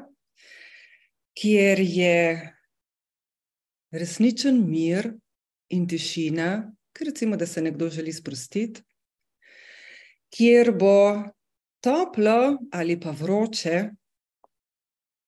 Okay. In ker bodo ljudje, ki jih bom srečal, prijazni, mm, zanimivi in sproščeni. Recimo, da je to želja tiste osebe, ki želi iti na tak kraj. Tretji korak je potem, da pa bom pustila čist par trenutkov, da vi to opišete s svojimi besedami. Torej, da opišete, kaj je tisto, kar si resnično želite. Najprej ste se izbrali, zdaj pa v približno petih alinejah to opišete. Lahko je tudi kakšna več, ampak če boste napisali pet, pa še kakšno, pomeni, da točno veste, si točno predstavljate in boste tudi v kvantnem polju našli najbolj ustrezno varianto tega, kar si želite. In lahko zdaj samo malo skicirate, pa potem, recimo, ko mi končamo, to še malo dopolnite. To je na ravni misli zdaj. Ne? Tretji korak pa gre na naša čustva. Že prej sem rekla, eno brez drugega ne gre. Torej, zdaj boste skušali začutiti, kako se bom jaz takrat, ko bom to dosegla, to imela, to postala, kako se bom takrat počutila, kako se bom počutil. In seveda bodo to lepa, pozitivna in celo povzdignjena čustva. Recimo, če gremo na ta primer, ne, če se jaz predstavljam, da bi tukaj na tej plaži ležala in brala knjigo ali pa poslušala, ne vem, kakšen dober podcast, ne, kako bi se jaz takrat počutila. Sigurno bi se počutila sproščeno, počutila bi se svobodno, mm. počutila bi se ljubljeno. Od same sebe in od življenja, ker sem si to izbrala, ker sem to dobila, ker sem si to privoščila. Sigurno bi se počutila ljubljeno, počutila bi se hvaležno, ker mi je življenje to dalo in ker sem si dovolila to sprejeti. Kako bi se še počutila? Počutila bi se radostno in igrivo, ker jaz, recimo, ko grem na take stvari, se vedno znova ta otrok v meni še bolj oglasi. Okay? Torej, sem rekla, da bi se počutila ljubljeno, radostno in igrivo, hvaležno, kaj sem še rekla, svobodno. In še kakšno čustvo sem rekla, sem sproti jih čutila. Če bi seveda jaz delala to vajo, bi si jih napisala. Ko da zdaj probajte sebi začutiti, spet pet do sedem teh povzdignjenih čustev, ki veste, da jih boste občutili takrat, ko boste to imeli, doživeli ali postali. In to so spet samo vaša čustva, in ni važno, kaj bi rekel kdorkoli drug, kaj bi si mislil kdorkoli drug, ali kako bi se drug v taki situaciji počutil. Gre samo za vas. In bom spet počakala par trenutkov, da ta čustva začutite v sebi in da jih napišete. In po tem večeru jih boste pregledali, in boste videli, če ste našli vsa, ali pa če ste našli tista bistvena, ki jih želite čutiti takrat, boste lahko kakšno zamenjali ali pa dodali. In ko boste to imeli, torej svoj simbol, besedo ali fotografijo, in boste imeli približno pet ali ne, s katerimi boste opisali to, in potem boste imeli približno pet povzdignjenih čustev, za katere veste, da jih boste takrat čutili v sebi, boste to vsak dan čim večkrat, ampak čim večkrat je nedoločeno. Zato rečemo vsaj petkrat. To pogledali, pa ki tako boste potem vedeli na pamet, ali pa boste vedeli že takoj na pamet, boste si povedali ta opis in boste čim dlje čutili ta povzdignjena čustva. In veste, kaj se dogaja v nas, ko čutimo ta čustva in ko si opisujemo ta kraj? Mi začnemo videti v slikah, in slike se spremenijo v film. In to je najbolj močno orodje za kreiranje prihodnosti. Ker sama beseda nima te moči. Ne? Doktor Joe vedno pravi: jasna namera in povzdignjeno čustvo. In to naredi elektromagnetno valovanje v nas, ki se čuti, če bi ga mirili, tudi do pet metrov široko stran od nas. Se čuti, a deluje veliko dlje. In ta frekvenca bo potem v kvantnem polju samo od sebe, to ne boste rabili vi, samo od sebe bo našla, ker bo zavibrirala z isto frekvenco, in potem bo vesolje, stvarstvo, ne, samo od sebe obrnilo, poslalo vam take ljudi, take priložnosti, take izkušnje v vaše življenje, ki, ko se boste odzvali na njih, vas bodo pripeljali do tega, da boste šli v tem primeru na eno tako potovanje. In tudi, če bi si to zaželela oseba, ki trenutno, recimo, nima teh financ, jih nima, ne? recimo za tako potovanje, kaj sem, če bi jaz zdaj hotela iti v Mehiko, lani sem bila dvakrat, enkrat 25 dni, enkrat 21 dni. Ne? In to je bilo, ne? enkrat je bilo 5000, drugič je bilo 10 tisoč evrov, in ena oseba bi si rekla: tega denarja nimam. Ne? Seveda si ne sme to ponavljati, ker je potem to negativna vibracija. Ampak hočem reči, tudi če tega denarja nima, ali pa ena oseba, ki nima časa, ne nima časa, recimo, uporablja dopust, ali pa ne more iti od doma, ker ima, ne vem, otroke, ki se jih ne upa pustiti uh, mami, babici ali komorkoli, ali pa nima osebe, kateri bi lahko pustila. Ne? Se bodo okoliščine v življenju tako obrnile, tako zasukale in tako spremenile, ko se bodo te prave vibracije med sabo začutile, da bo lahko šla in da bo lahko to uresničila. In čisto vsi poznamo take primere, ko smo z našim umom mislili, to pa za me ni mogoče, in potem smo začeli verjeti, in potem se je to uresničilo, v smislu, da smo to doživeli v našem življenju. Tako. Super. Nec, a ustavim tole, a ne? Uh, lahko, lahko greš pa tudi kar naprej. Um, ful dobro vaja, no, jaz sem si vse te stvari tudi kar zapisal. Tle, ja. No, super, super. Zdaj, če grem naprej, imam jaz predstavitev uh, seminarja, pa praviš, da kar grem? Ja, najbolj upam, da mi je bila vaja všeč, no, meni je bila ful všeč. Um, ja, zdaj pa, pred, zdaj pa bi te pač kar povabil, da predstaviš, bi rekel, ta tvoj retreat, no, kjer lahko, ker zdaj pač, ok, tukaj imamo za eno uro časa, dobro uro časa. Jaz sem te pač vprašal ta vprašanja, yeah. ki so mene zanimala, katera sem imel pripravljena, pa katera sem se vmes proti spomnil. V eni uri pač lahko poveš to, kot lahko poveš. Ne? Ja, seveda. Eno je pa potem, kar se lahko ti naučiš v nekem daljšem obdobju um, spoznaš neke tehnike, greš nekako v globino, uh, da to že tam začutiš, pa potem to poneseš domov in uh, spremenjaš, kot si rekla, vibracijo življenja vsak dan. Ja, ja.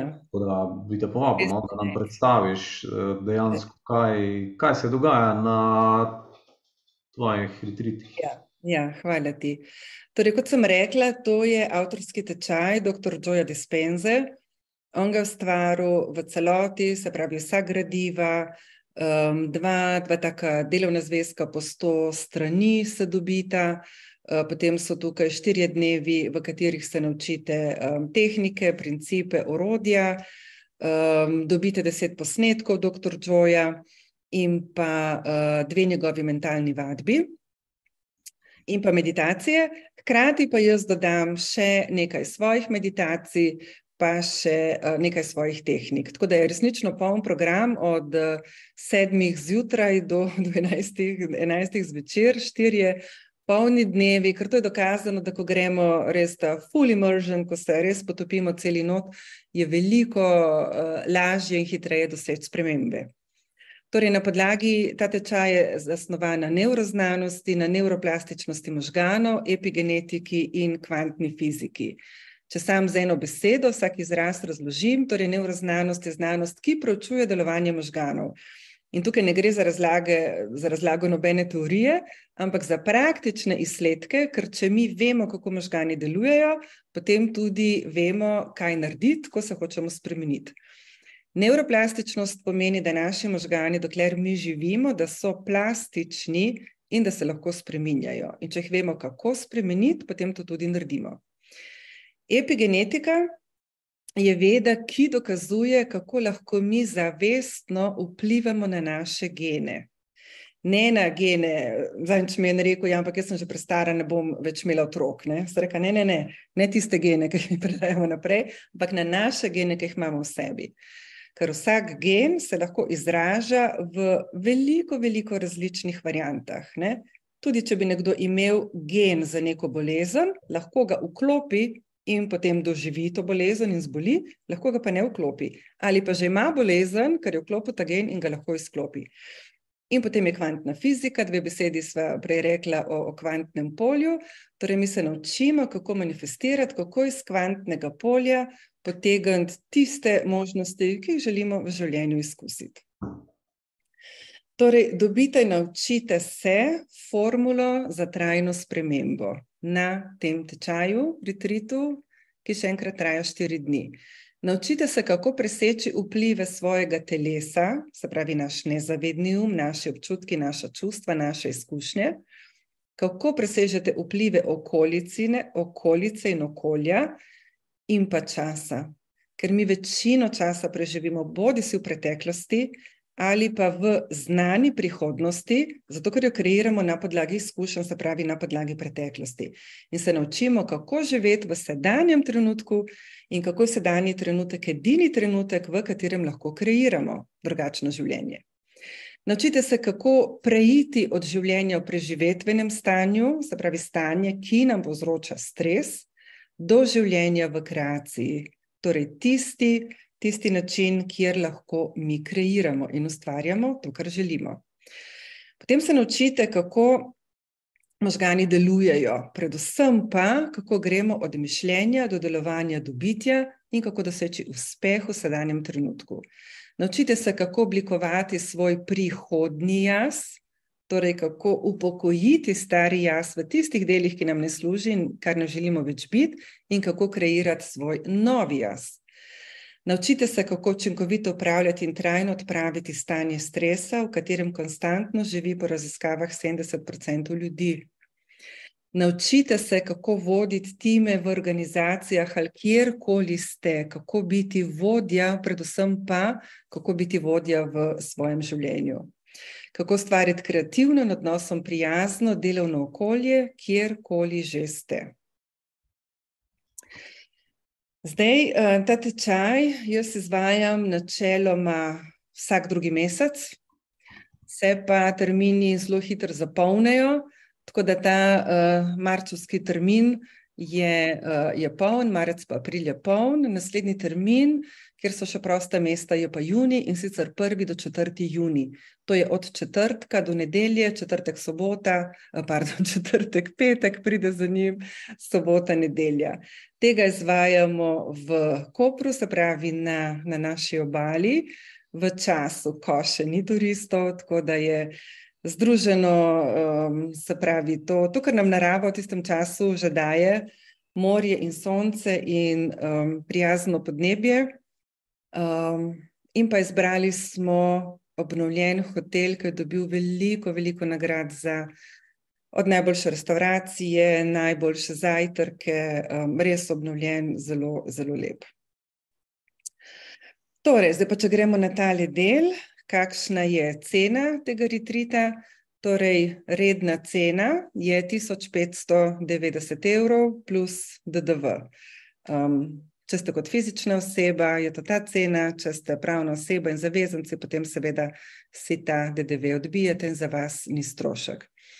Tako kot je predtem rekel Nec, sva se dogovorila, da naredimo za vas resen tak, ne samo majhen, ampak uh, popust. Stanje, oprosti, koliko je pa cena uh, seminarjev z Jojem?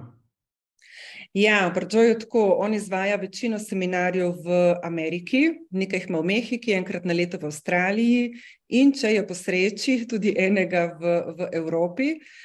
Torej, ti, ki trajajo šest dni, so um, 3000 evrov, plus seveda tukaj treba šteti pot, ne, če se gre v, v Ameriko ali pa Mehiko, pa tam se vedno biva potem v resortih s petimi zvezdicami, tako da jaz rečem okroglo 5000 evrov, uh -huh. 5 do 6000 evrov je treba računati. Ja. To se pravi, lahko dobimo to po neki dostopni ceni tukaj pri nas. Ja, ja, ja, ta cena je napram tisti, um, je sigurno veliko bolj dostopna. Ja. In zdaj, ko bo še midva znižala, ne, tako kot sem jo prosil, tako kot sva se dogovorila, torej za vas je pa kar 400 evrov popusta. Torej, na mesto 1590 je potem to 1190 evrov. Popust pa velja s kodo, prebojeni 9. Torej, ko boste šli na našo spletno stran, se bo pol še spisala trikrat dvojni v, spremenite svoj um.si ko boste izpolnjevali eh, prijavnico, bo tam tudi mesto, kjer bo pisalo, upišite promocijsko kodo in upišete prebojeni 9 in potem se vam bo obračunalo teh 400 evrov popusta. Ta popust pa velja do torka, četrti četrti oziroma do, do zapolnitve mest. Ne? Zdaj jaz ne vem, kdaj bodo ta mesta zapolnjena, ampak ko bodo zapolnjena, potem bo pač na ta retrit se ne bo več možno um, prijaviti. Uh -huh. Tukaj imate še uh, to povezavo, torej vse napišete z majhnimi črkami, tle smo dali velike, da, da se vidi, ne? se pravi, trikrat dvojni v, spremenite svoj um.si slash retreat. Se sem vam jaz tudi link dal v chat, tako da za popusti hm. prebojeni 9, prijava je na tistem linku, ki sem vam ga dal v, v chatu, uh, hm. tako, da, tako da ga, ga imate, no, tako da ni, ni panike. Super, hvala. Tako da to. Ok, super. Ja. Potem je tukaj še ena lepa misel, no, ki jo jaz sama sebi vsak dan rečem, ljudem, s katerimi se srečujem, in našim udeležencem postane tudi to ena taka mantra. In pravijo, kako jim, kako jim to, um, kako je zajeta, ne vem, marsikatera modrost dr. Džoja v, v ta stavek. Večji ste, kot si mislite, močnejši, kot si predstavljate, in veliko bolj brezmejni, kot ste si kadarkoli upali sanjati. Tako, in tukaj še enkrat tale link, ki ga boste pa tudi dobili. Ok, torej do teh znanj lahko dostopate po neki dostopni ceni, tako kot je Tanja Pija predstavila. Tako da, če ste zainteresirani, prijavite se, dobite lahko tudi to po, po, po bi rekel, zelo um, dosti nižji ceni odredne. Zdaj bi šli pa na vprašanja. Ja, prosim. Okay. Zdaj pa imamo pa na vprašanja, pa da vidimo, kaj je. Kakšna vprašanja imamo yeah. Ja. tukaj? Okay. Mm. Zdaj, to, to, to, to, to. Okay.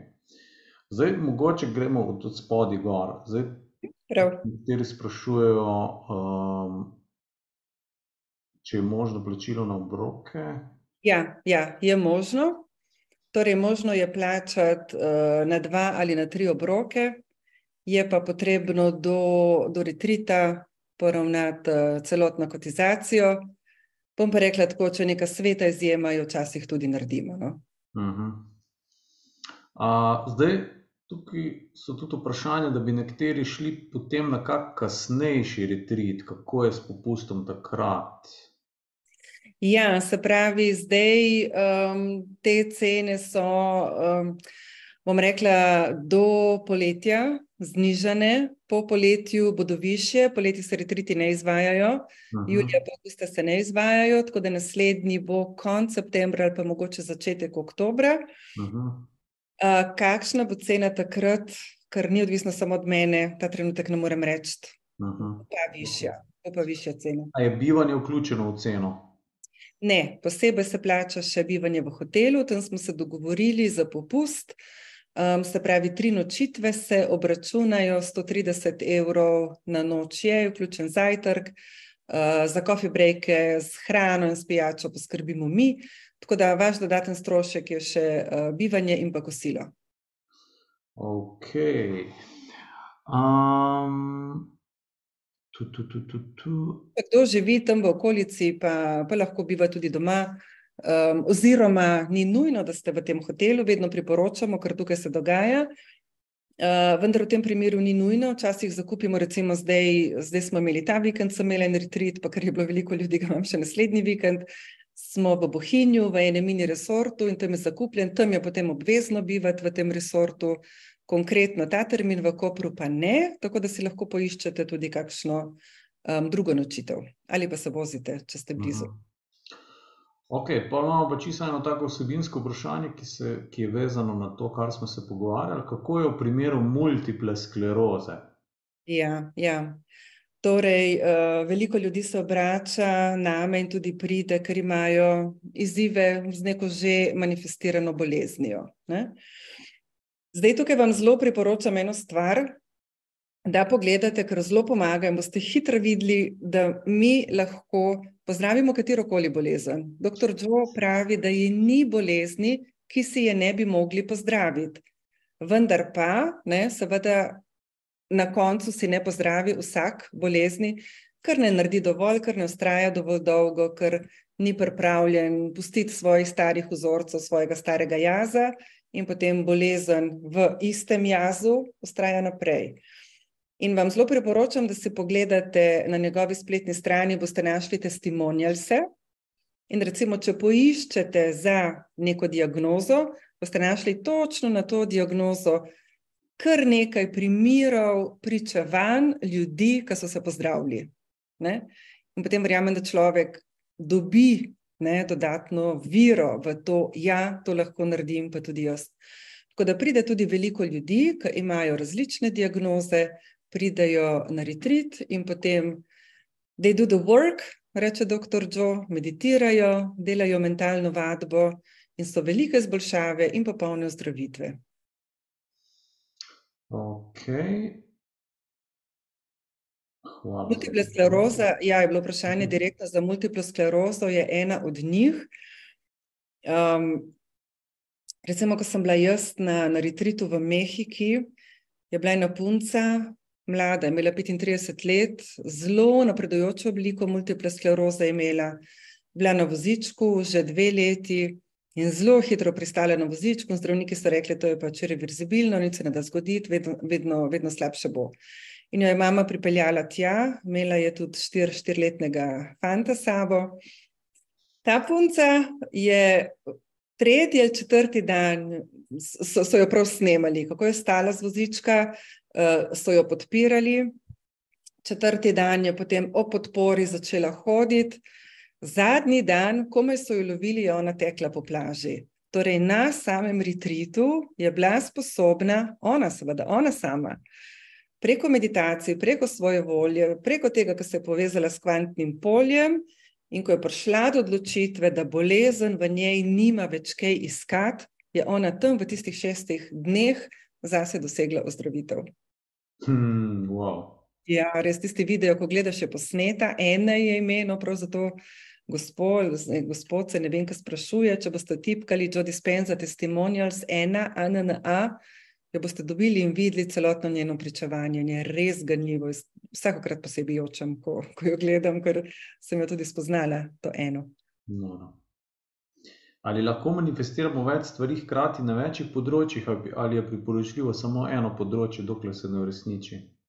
Ja, zdaj teoretično bi lahko vse hkrati, ampak mi, mi sami sebi pol, uh, to tako zakompliciramo, da se stvari hitro lahko pomešajo. Tako da jaz vedno rečem, zberite si eno stvar, začnite pri tej stvari in jo izvajate en teden. Po enem tednu boste začutili, ne? človek začuti, um, ali naj to dela še naprej, ne, to, če se ni manifestiralo, ali naj menja pa, pa kakšno drugo. S tem, da kakšne meditacije so pa tudi tako narejene, da so narejene za dve zadevi hkrati, za eno večjo in pa za eno manjšo. Ker doktor Džo pravi tako, ko boste dali tisto manjšo, ki vam ni tako pomembna, ne, zato ker je pač majhnega pomena in se bo tista uresničila, uresničila boste videli in verjeli, da lahko uresničite tudi večjo. Ne. Tako da splošno navodilo eno naenkrat, jaz priporočam en teden, potem pa lahko zamenjate drugo, pa se pa čez en teden spet vrnete k tej. Naslednje vprašanje, ali je možno nekomu pomagati s svojo meditacijo? Če si jaz želim čutim in vidim, lahko pomagam drugim, brez da oni, on, brez, ali pa nekomu drugemu, brez da on to počne. Ja, odgovor je absolutno ja. Recimo, dr. Joe ima ustanovljene tudi, uh, imenuje se Coherence Healing, uh, se pravi, kjer smo zdravilci zbrani, jaz sem tudi zdravilka. Uh, in lahko za zdravje, za zdravljenje pomagamo ljudem, tudi remotely, se pravi, nadaljavo, se zdravimo, mi se zdravimo druge ljudi in jim s tem pomagamo. In to velja tudi za vse ostalo. Ne? Uh, recimo, ena moja prijateljica, trenerka, ki je bila istočasno z mano na izobraževanju za dr. Joja, uh, je šla, uh, je delala na retritu, se pravi, z namenom, je imela sina, najst, ni, ni, ni bil najstnik, več 19, ja, to pa je še najstnik, ki je um, dve ali tri leta konstantno um, užival travo. In nikakor z vsemi pogovori, z vsemi metodami, pač niso doma v družini uspeli, da bi karkoli naredili. In potem je ona meditirala v ta namen, da bi v njegovo dobro se on te odvisnosti odvadil. Nikomor ni povedala, niti možu ne. In potem je prišla domov in je rekla, sin je še vedno kadil. In je rekla, noč nisem izgubila vire. Rekla, bom to delala naprej, če bilo to tri leta, ni mi pomembno, ne, je razmišljala, ali bo čez en teden, ali pa čez nekaj tednov. In potem je naslednji teden je prišel sin do nje in je rekel, mami, jaz tega ne rabim več. Tako da doktor Joe vedno pravi, ja, lahko, seveda pa mora biti uh, v skladu z njegovo voljo. Ne? Torej, da ne gre uh -huh. za to, mhm. da bi mi izrabljali ali celo zlorabljali za neke svoje namene, ampak da vemo, da nekdo, če nekdo ima neko ali neki izziv ali neko željo, za katero vemo, da si nekaj želi, uh -huh. da mi s tem uh, k temu pripomoremo. Ne? Je pa hitreje, če ta človek dela sam. Ne? Ali se ta s to metodo, na primer, izboljšati vid? Ja, kot sem rekla prej, dr. Joe pravi, da je ni bolezni oziroma bolezenskega stanja ali diagnoze, ki se ne bi dalo popraviti. Ne? Zato, ker uh, na nek drug način tudi razlaga, ne, da vse celice v našem telesu imajo že informacijo, kako biti zdrave, kako se pozdraviti. Samo mi, s svojimi vibracijami, s svojimi mislimi to, to preprečujemo. Je pa tako, da on pravi, da približno 3 ali pa celo samo 2 odstotka uh, bolezni, ki se kažejo v obliki, oziroma diagnoz, ki se kažejo v, v obliki genetskih um, sprememb, v smislu, da se nekdo rodi z neko, z neko boleznijo, 2 do 3 odstotka je pa takih, uh, za katere se pa ve da, eh, da se jih ne da pozdraviti. Mhm. Kako premagati strah, ki se zgodi med meditacijo? Evo, tole, pa mislim, da smo počasi obdelali ta vprašanja. Ja, zdaj mogoče bi tukaj jaz še kakšno pod vprašanje dala, ki ga zdaj ne morem, ne kaj to pomeni strah Uh -huh. Strah ni nekaj splošnega. Ne? Se pravi, ta oseba, ki meditira, se očitno nečesa straši. Ne? Zdaj, kaj, kaj, kaj je ta strah? Ne? Lahko je to nekdo, ki se straši, kaj jaz vem, tudi teme ne? ali pa te praznine. Doktor Joe vedno vodi v ta no space, no time, ne? se pravi v to črnino, praznino, ki jo potem v sebi stopnjujemo. Lahko bi se nekdo strašil tega, lahko bi se strašil, ne vem, mrsičesa drugega. Ne? Um, tako da ne vem, če se konkretno se ta, ta oseba um, ustraši, bi bilo pa moje priporočilo to. Ne? Meditacijo, ki jo izvajate, Um, pa dajte zbirati krajše meditacije, ne? ker meditacije, zdaj, če delate doktor Joja, so tam od 20 minut naprej, 20 minut je kratka meditacija, pa do 4 ur, pustimo to. Ampak recimo veliko meditacije tam 50 minut dolgih, eno, min, eno uro dolgih. Dajte delati krajše in pa dajte Eh, to meditacijo, ki jo boste, recimo, če se med meditacijo, če se karkoli ustrašite, pejte id parkrat z odprtimi očmi, tako da samo poslušate, da samo poslušate, pa idete takrat opazovati, kako je, potem pa počasi prejdite na to, da delate z zaprtimi očmi. Pa tudi lahko, recimo, z zaprtimi očmi. Meni je zelo, jaz veliko delam teh walking meditation na prostem in mi zelo pa še uh, takrat zaprem oči, uh, ampak sem obrnjena proti soncu. Ne? ne dnevna svetloba kot taka, ampak prav v sonce, ne, eno tako neverjetno moč mi to daje. Mogoče probajte na ta način ne, in potem šele kot zadnjo fazo, da je tema, pa da imate te blindfolds, uh, uh, ko se reče, maske za oči. Uh mhm. -huh. a, a se dobi certifikat na. Ja. Ja, super vprašanje. Hvala za to, ker nisem povedala. Torej, dobite originalen certifikat od Neurochange Solutions, ki je podjetje dr. Joja z svojim imenom. Torej, originalen certifikat v angleščini je dobil vsak udeleženec. Uh, pa imamo eno vprašanje, kaj lahko delaš s tem certifikatom ali lahko pomagaš naprej drugim? Ja, torej, vi se naučite teh tehnik uh, in jih seveda lahko, in to je namen, primarni namen, da jih uporabljate za Eh, zase, za, za, za svoje namene, za svoje bližnje, lahko jih uporabljate v svojem podjetju, ne smete pa seveda tega učiti. Ne? To lahko uh mhm. -huh. učimo samo tisti, ki smo njegovi trenerji, uporabljate pa jih, ne, če, lahko, če nasplošno rečem, pri ljudeh z, z ljudmi, s katerimi živite, bivate, delate in ste. Uh -huh. Um, obstaja individualna obravnava. Um, obstaja, jaz tega ne delam, večina nas trenerjev ne dela, zato ker tako rečem nekomu. Ne? Včasih me pokličajo, pa bi prišel, pa ustrajajo, ustrajajo. Vedno rečem, pridite na retrit. Ker individualno, če bi želeli doseči isti rezultat, se pravi, tam je štiridnevni program od jutra do večera. Če bi mi samo delček tega želeli, ne, že vidite, da je to velikansko število ur, Poleg tega je pa vedno v skupini veliko, veliko močnejše. Glih delali, sem imela nadaljevalni retrit z nadaljevalno skupino, se pravi meditatorji, ki že nekaj časa meditirajo in so rekli, kako je to drugače kot takrat, ko delam to sam doma. Ima ta vpliv skupine, se ustvari neko posebno polje. Potencira se. Potencira ne samo zahteva, to se tako potencira, da, da je neverjetno. Tako da, ja, vsakemu potem priporočam, pridite na retrit in potem rečejo, o, še dobro, da sem sem prišel. Mhm. Ne, ne pa na neko individualno svetovanje. Uh mhm. -huh. Ok, super. Uh, bi želela povedati kaj uh, za konec? Ja. Smo počasi proti koncu, večino vprašanj smo odgovorili. Ja. Povedali smo marsikatero praktično informacijo. Jaz bi rekla tako, ko človek začne uporabljati ta urodja, to se odpre en nov svet. Jaz, recimo, odkar vem zase, jaz rada raziskujem, rada se učim. Uh, jaz sem hodila na vse možne, na vse možne, ne, ampak res na ogromno število izobraževanj v tujini.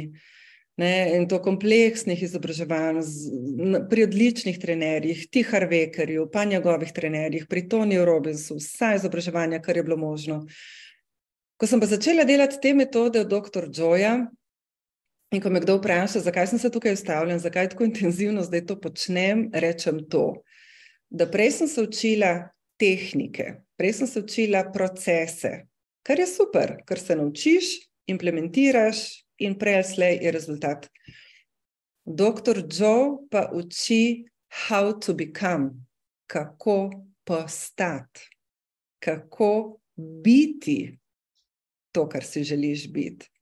In to je pa neka višja stopnja. Ne kako nekaj doseči, kako spremeniti komunikacijo, kako uporabiti to urodje v timu, kako ne vem kaj, ampak kako postati. In to, kar bi rada rekla vsem, ki zdaj poslušate in ki ste bili en del ali pa vse čas z nami, bi rada rekla to, da samo začnite to delati, začnite to prakticirati. Enim je, redkim sicer, ampak enim je dovolj, da to preberejo in potem so. Recimo, da znajo eno knjigo v roke, in potem so tako disciplinirani in tako delajo, da to lahko že sami implementirajo v svoje življenje. Eni začnejo sami meditirati ali pa meditirajo po kakšnih drugih metodah in tudi seveda lahko dosežejo te spremembe. Ampak zagotovo ena taka podprta pot je to, da naredimo to pod nekim vodstvom. In tisti, ki čutite, tisti, ki veste, da želite živeti svoje življenje na nekem drugem nivoju, da želite aktivno ustvarjati in kreirati svoje življenje, potem pridite na seminar. In tukaj res se naučite, osvojite to, in enkrat, ko to znate, ta formula je pač zavedno in jo lahko implementirate na katero koli področje. In karkoli se dogaja z vami v vašem življenju, zdaj tukaj je bila kakšna diagnoza, je bila, verjamem, je pač izzivov je ogromno, v današnjem času je ogromno izzivov na področju odnosov, v službah, upeti smo v sto stvari naenkrat, čas se tako hitro vrti, kot se ni še nikoli. Ljudje zahtevajo toliko od nas v službi, doma, otroci, vse je tako intenzivno. Vzemite si čas zase, vzemite si čas zase, pa če je to za začetek pet minut ali pa deset minut da se umirite, da se začnete zavedati, kako živite, kdo ste preko dneva, katere misli mislite, katera čustva čutite in jih ne želite več, kaj delate in ne želite več tega početi. In vam zagotavljam, da se vam bo začelo prej ali slej obrestovati. In tistih deset minut boste potegnili na petnajst in na pol ure, In boste videli, kaj pomeni, ko se človek zjutraj zbudi in naredi mentalno vadbo ali pa meditacijo in si skreira dan in potem živi iz nekega notranjega stebra, iz notranjega miru in iz ljubezni. To je popolnoma drugačen dan.